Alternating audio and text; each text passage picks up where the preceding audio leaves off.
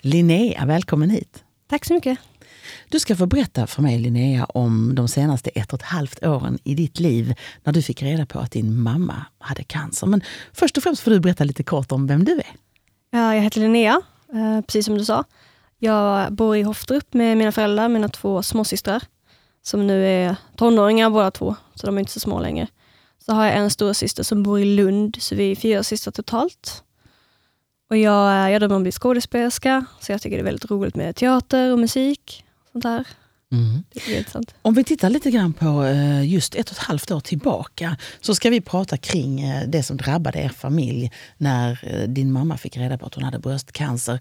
Vi kan börja med lite grann när du fick reda på att din mamma hade cancer. Det var från början så här att hon gick på en mammografi, har jag för mig. Och så såg de då några klumpar och så kom hon berätta det för oss. Um, och hon sa, ah, men det är säkert ingen fara. Så mamma är som, de drar över lite saker. Och så här. Men jag var lite så här, ah, klumpar i brösten, och vad då för sorts klumpar? Det är inte, det är inte du vet vad, klumpar. Du vet så här. Uh, hon bara, nej, nej, nej, men det är det säkert inte. Men, uh, men jag ska gå och kolla nu, liksom, så, att vi, så att vi vet att det inte är någonting. Så jag bara, ja okej, men kan inte du uh, ringa mig då? så ringde hon efter mottagningen den här kontrollen och så sa hon, ja, Jo, det är så att eh, det visar sig vara cancer. Så, då var jag i skolan på lunchrasten. Så här, cancer ringde i verkligen i öronen och bara, ah, jaha okej, okay, men, eh, men, men vad betyder det då? Eh, och så liksom verkligen alla tankar flyger i huvudet samtidigt och bara så här, vad händer här? Vad händer här nu då? För jag, min bästa kompis förlorade sin pappa i cancer när vi var små, eller så 12-13 år gamla. Så jag var lite så här, den, en av de första flanken, flög, tankarna som bara flög förbi var så här, jaha, en förälder är kvar nu, va?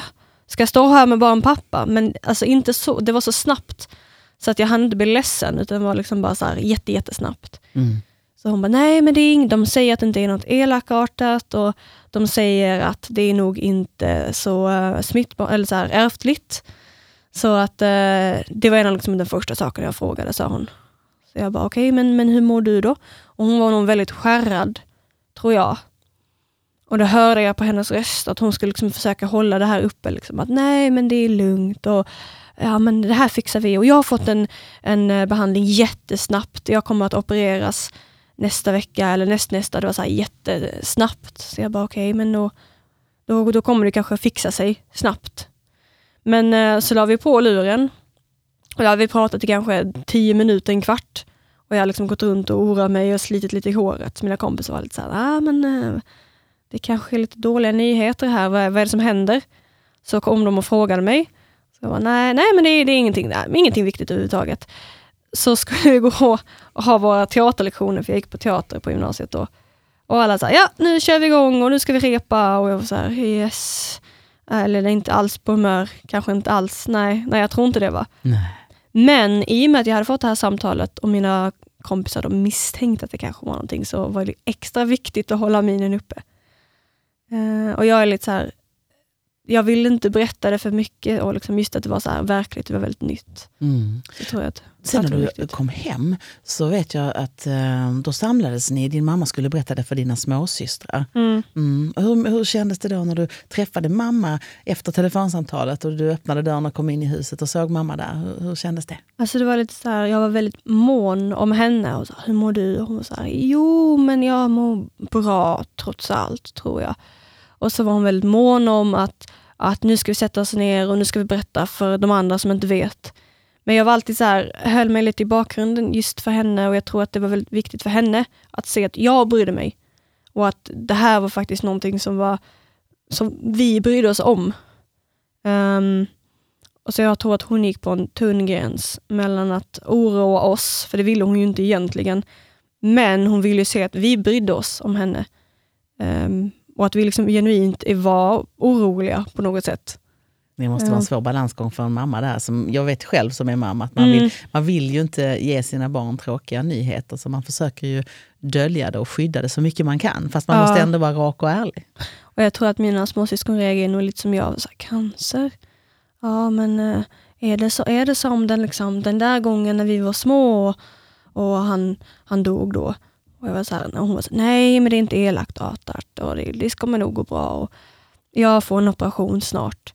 Um, och sen är vi så här i min familj att vi halvt som halvt pratar. Min mamma vill jättegärna det. Och hon var så här, ni kan komma till mig med vilka frågor ni vill och jag finns här och jag vill jättegärna berätta det. Och så såg jag liksom att min pappa sitter och tiger i hörnet. Men jag ser också på honom att det är liksom någonting som han har fått reda på. Han redan, visste nog redan det också. Um, och han ville absolut inte prata, men han, man såg liksom att han också var skärrad. Um, vilket var en jätteunderlig sak att se liksom sina föräldrar oroliga.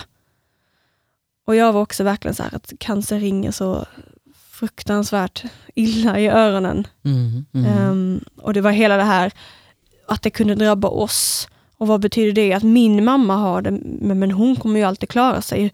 Vi har ju alltid klarat oss. Så det är sån kliché, men det är faktiskt sant. Jag tror att så många som får reda på någonting sånt här tänker det. Ja, det händer alla utom oss. Alla, liksom, det kan hända vem som helst, men inte oss. Det tror jag också. Jag tror mm. det är mm. väldigt starkt att vi alla tänker så. Men nu drabbade det er familj. Ganska så snart så fick din mamma en operationstid. Minns du dagen när mamma skulle opereras? Nej, den minns jag nog inte lika tydligt. Men det var lite så intensiva veckor när vi alla gick och sen så var det lite så att jag tror att jag får ställa lite frågor, min storasyster ställer lite frågor min mamma besvarar dem. Och sen kom vi nog inte med så jättemycket frågor egentligen, för vi var så här, ja okej, okay, okej okay, men det blir bra. Ja men det går säkert bra. För att vi kanske inte ville uppröra henne eller oss själva för mycket. Eh, Kunde småsyskon... ni som syskon prata med varandra? Kunde du gå till din stora syster? Kände du att du sa att du berättade om det här med när du nattade dina småsyskon så kanske de ställde lite frågor. Berätta om detta. Jo, de ställde lite frågor och, och jag frågade nog också dem, är ni oroliga? Och de sa, jo, jo, men det är klart att det är. Och, um, och det var massa andra saker som pågick i familjen också, så det här var liksom toppen på isberget ungefär. Men jag måste säga att de höll nog mer ihop Eh, de två pratade, för jag kände nog att jag var mer mån om mamma. Att, att hon skulle bara fråga henne, hur mår du, hur mår du? Och hon sa, men ja, men jag mår nog bra. Och så vissa dagar mådde hon lite sämre och då kanske hon inte ville prata om det alls. Men hon hade också många bra kompisar som hon pratade med för att hon tyckte att det var viktigt att berätta för dem sina kollegor och sånt här. Vilket jag tror var jättebra för henne.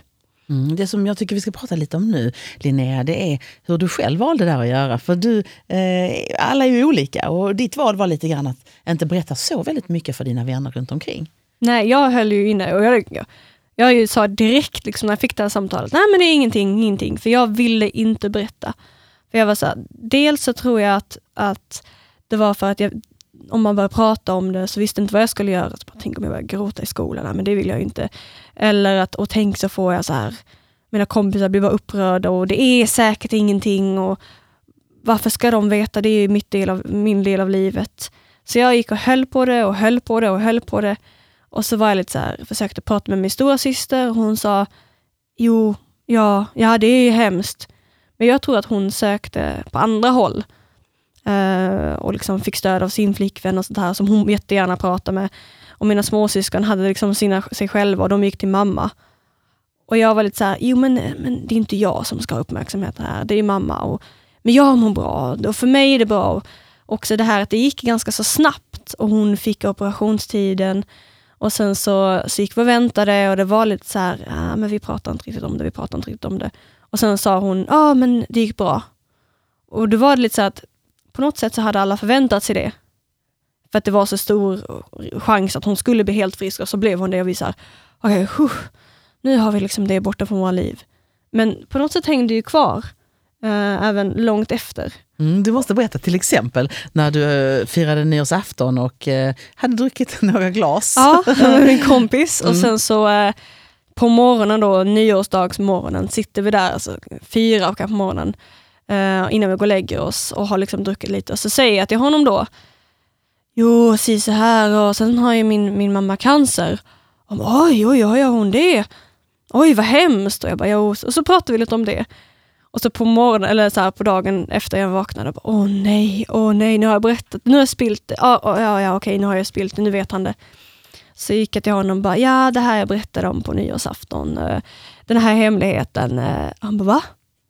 Jag bara, ja, kommer du inte ihåg vad vi satt där på golvet och pratade om? Nej, jag kommer ihåg att vi pratade, men inte om vad. Och jag var såhär, okej, okay, det var ju tur. det var ju ganska så skönt. Så behövde du inte säga någonting då heller, tänkte du först? Nej, och, och han bara, var det något viktigt? Jag bara, nej, nej, nej, nej men det var, det var ingenting. Nej. Och sen så tänkte han väl, ja men om hon vill berätta så berättar hon. Mm. Um, men det, det är liksom, jag tror att det har att göra med att även om du inte vill berätta det, så kommer det liksom sippra ur. Det läcker på ja, något sätt. Man, men det, gör man det. Blir, det blir fullt till sist. Du berättade också att du valde sen till sist en, en bästis att säga någonting till henne. Berätta om det. Ja, det, vi var liksom ute på stan och gick och hade liksom ingenting med, med någonting att göra. Eller så här, vi hade inte pratat om det och jag var så här, ja det är en sak som du kanske borde veta, så här, men du behöver inte oroa dig. Och Detta var efter att vi hade fått beskedet från att uh, hon var helt frisk. Och jag sa, ja min, eh, min mamma har ju, hade ju fick cancer och, och det, är, det, det är helt okej okay nu, hon är frisk. Men um, du kanske borde veta det om det skulle vara så att jag behöver prata om det någon gång. Och hon sa, oj, oj är det bra? Jag bara, ja, ja men, men, men det är bra. Det är helt okej okay nu, det är fixat. Liksom. Det är över, långt borta. Och hon bara, okej, okay, men tack för att du berättade. Eh, vilket jag tror var jättebra. Hon gjorde liksom inte så stor grej av det, vilket var nog vad jag behövde. Och det var kanske därför du valde just henne, för att du ja. visste att, att hon var jag, sån? Precis. Mm. Och hon förstod ju också att jag kanske inte ville prata om det jättemycket. Um, men samtidigt när man, när man går som du berättade så kan det också sippra ut eller läcka. Mm. Du berättade om en gång när du var hemma hos några kompisar liksom, och där det bara plötsligt kom. Berätta. Ja, och det var på en kväll och vi, vi satt och åt glass som efterrätt eller någonting sånt och så pratade vi lite. Jag tror att eh, hans mamma var där och så, så. Så hade vi lite diskussion och så helt plötsligt så nämner någon ordet cancer. Och det var liksom som hela världen stannade och jag fick tunnelseende. Jag bara så här, vad händer nu? Vad händer nu? Så jag bara, ursäkta mig, ursäkta, jag måste gå på toaletten. Ja. Och de bara, ja okej, okay, ja, ja. Så gick jag in där och fick liksom sån här, jag bara kunde knappt andas. Och jag har aldrig upplevt någonting liknande mitt liv. Jag har aldrig fått en panikattack. Jag har aldrig mått så psykiskt dåligt som just den lilla stunden. Och jag bara så här, men varför står det här? Och vi, vi i spegeln och, och skakar. Men vad, vad är det här liksom? din mamma mår ju bra och hon kommer klara sig. Varför står du och gnäller? Och så börjar liksom tårarna komma lite. Ah, varför står du och gråter? Du, du har ingen rätt att gråta för att din mamma mår bra. Hon kommer klara sig. Och det finns så många andra som skulle vilja eh, att skulle vilja vara i din situation. Så varför står du här och gråter? Att de skulle vilja liksom att deras föräldrar mådde lika bra som din mamma eller kommer fixa sig. Mm. Och, hur slutade det? Liksom, tog du dig samman där inne och tänkte okay. Ja, men det var verkligen så här, liksom, stannade av tårarna. Liksom, här ska minsann ingenting visas. Bet ihop tänderna och gick ut och bara Ja, ja men eh, ska vi ta lite mer glass? Ungefär. Mm. Och vilket är jättedumt, för jag menar, de hade ju säkert inte tyckt sämre om mig på något sätt för att jag kom och berättade att jag bara, men jag är faktiskt upprörd över det här. Och jag har också tänkt på det efteråt att, jag menar, ja, min, min mamma klarade sig, vilket är fantastisk tur i oturen. Men det gör ju inte att jag har mindre rätt att bli ledsen över någonting sånt, eller må dåligt eller oroa mig. Um, och att man får visst vara ledsen och arg och visa känslor och berätta. Och detta är en viktig del i mitt liv. Även om det inte kommer sluta i katastrof. Um, så att jag tycker verkligen det här med att, att berätta och att visa är helt okej. Okay. Uh, och jag måste fortfarande påminna mig själv idag att ja, men du får vara ledsen över detta och du får fortfarande tänka på detta ett och ett halvt år senare, när det är långt, långt, långt borta i horisonten. Att du måste fortfarande få liksom, kunna diskutera med dina kompisar och säga att alltså, du, det här är kanske fortfarande jobbigt för mig. Um, jag tror det är så väldigt mycket det du säger också, att man som anhörig tänker, det är ju inte jag, precis som du sa, mm. eh, varför, varför jag är ledsen, det är ju min mamma som är sjuk. Ja, men, precis. men att man kanske någonstans stannar upp och tänker att man som anhörig bär ju sorgen också. Ja. Eller hur? Det är ju din mamma och det gör ju lika, nästan lika ont och oroar det lika mycket som hos mamma. Jo men precis. Och också så tror jag att, att som mamma så vill de inte oroa sig som jag sa, men alltså det var nog viktigt för henne att visa sig att vi, vi bryr oss. För att vi har också sådana lite jargong i vår familj, att vi skämtar mycket på varandras bekostnad och vi kan liksom vara så här, eh, säga lite saker som vi inte menar på skämt och också hålla tyst om saker som vi kanske egentligen borde prata om. Men att vi, när det verkligen är allvar och att någon som verkligen mår dåligt, att vi kommer in och är där. Att det är jätteviktigt för henne. Um, och jag tycker nog nästan att det har blivit mer så nu efteråt. Ja, jag För något att tänkte vi har liksom lärt oss. Att familjen har kanske förändrats och i så fall kan du gärna få berätta hur familjen har förändrats efter att man har gått igenom en sån här tuff sak. Din mamma är ju friskförklarad nu Mm. och på något sätt så leker livet inom citationstecken igen. Men hur är det i en familj efter en sån här sak? Förändras man? Men jag tycker det. Uh, lite att man har fortfarande alltid det här att herregud vilken tur vi hade egentligen. Jag kan fortfarande tänka på det. Och jag kan också tänka på det eh, just med min kompis som förlorade sin pappa. Att jag var så här, alltså ibland så här, jag bara, hur kan jag titta henne i ögonen när hon sitter där med en förälder? Oj, och nu mår hon ju jättebra. Och så här. Men att jag hade tur. Um, och Jag tycker att, att familjen är lite bättre. Alltså vi behöver fortfarande lära oss det här med att prata med varandra ibland tror jag. Men eh, det är bättre och det är lite så här, nu ska vi göra mer saker med familjen.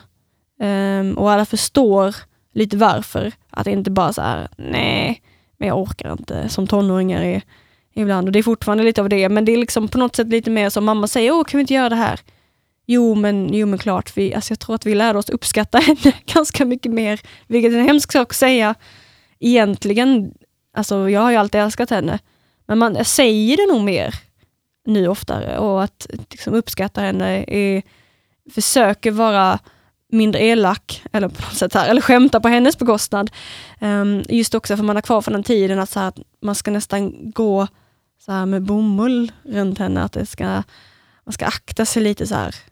Jag Så förstår precis vad du menar. Jag tänker på din pappa här. Eh, Vi pratar ju ibland om det här med att män har svårare att visa, visa känslor Mm. än oss kvinnor. Eh, Din, eh, kunde du prata med din pappa om det under tiden som gick? Och fick ni någon annan relation än innan? Jag tror att eh, han var väldigt så här, "Ta- nu ska vi ta hand om mamma, skämma bort henne och mamma är trött och hon ligger liksom på soffan av en anledning så nu får vi ta i extra hårt allihopa och göra andra saker.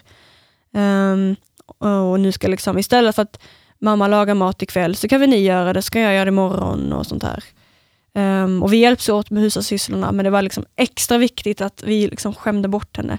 Och det var han jättemån om. Och jag tror att han var ganska så omskakad. Han, han gillar inte att prata om det alls. Så jag är som sagt förvånad över att han ville göra intervjun. Jag tycker det är jättebra. Någonstans finns det ett behov kanske som måste ut. Ja, men precis. Ehm, och efteråt har han liksom också poängterat det här att, att vi verkligen, vi hade tur, vi är lyckliga. Som att det är så här, och att han insåg verkligen så här att vad hans värld skulle kunna vara utan henne. Och jag, som, som jag och alla mina syskon var så här, hur skulle livet vara utan mamma? Det, alltså det skulle inte fungera, världen går inte runt. Um, och det var ju så här, det kanske inte det här att, att, att um, jag tror att man funderade ju på det ett tag ändå, att så här, tänk om det blir så, hur skulle det se ut? Och inte att så här, det här kommer bli så, det kommer bli så, och nej, och nej, världen kommer gå under nu för att det kommer bli så. Utan var så här, men tänk om, tänk om den här lilla, lilla risken finns kvar. Att det kommer bli så, herregud, hur skulle det, hur skulle det vara? Och så mådde man liksom lite dåligt och hjärtat började dunka. Och så, nej, nej, okej, men tänk inte på det. Tänk inte på det så blir det mycket, mycket bättre. Mm. När man pratar om bröstcancer, din mamma eh, tog ju bort eh, sitt ena bröst. Mhm. Hur har det känts för er? Har, det varit, har ni kunnat prata kring den biten? Att hon har förlorat ett bröst. Jag vet att din pappa sa att det är bättre att förlora ett bröst än att förlora Helena. Mm. Eh, och det är ju viktigt att tänka. Ni som döttrar och tankar på att det är ärftligt och framtid och så. Har ni pratat kring detta med mamma? Uh, hon ville poängtera som sagt från början att det är så här, nej det är, det är väldigt lite risk att det är ärftligt, för hon hade liksom frågat det direkt. Och jag var lite så här, ah, okej men jag ville liksom inte tänka så här att om hon fick bröstcancer, det första jag tänker på är att ah, tänk om jag får. Utan hon hade ju fått det.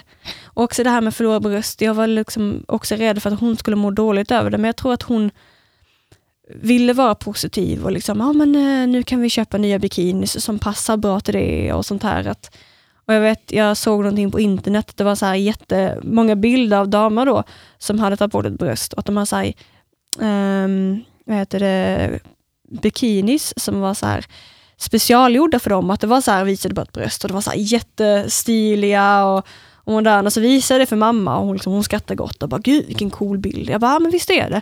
Ska jag, vill du ha en sån här bikini i, i födelsedagspresent? Hon var såhär, nej, nej, nej jag, jag tror att jag, jag tycker om mina gamla. Mm, mm, mm.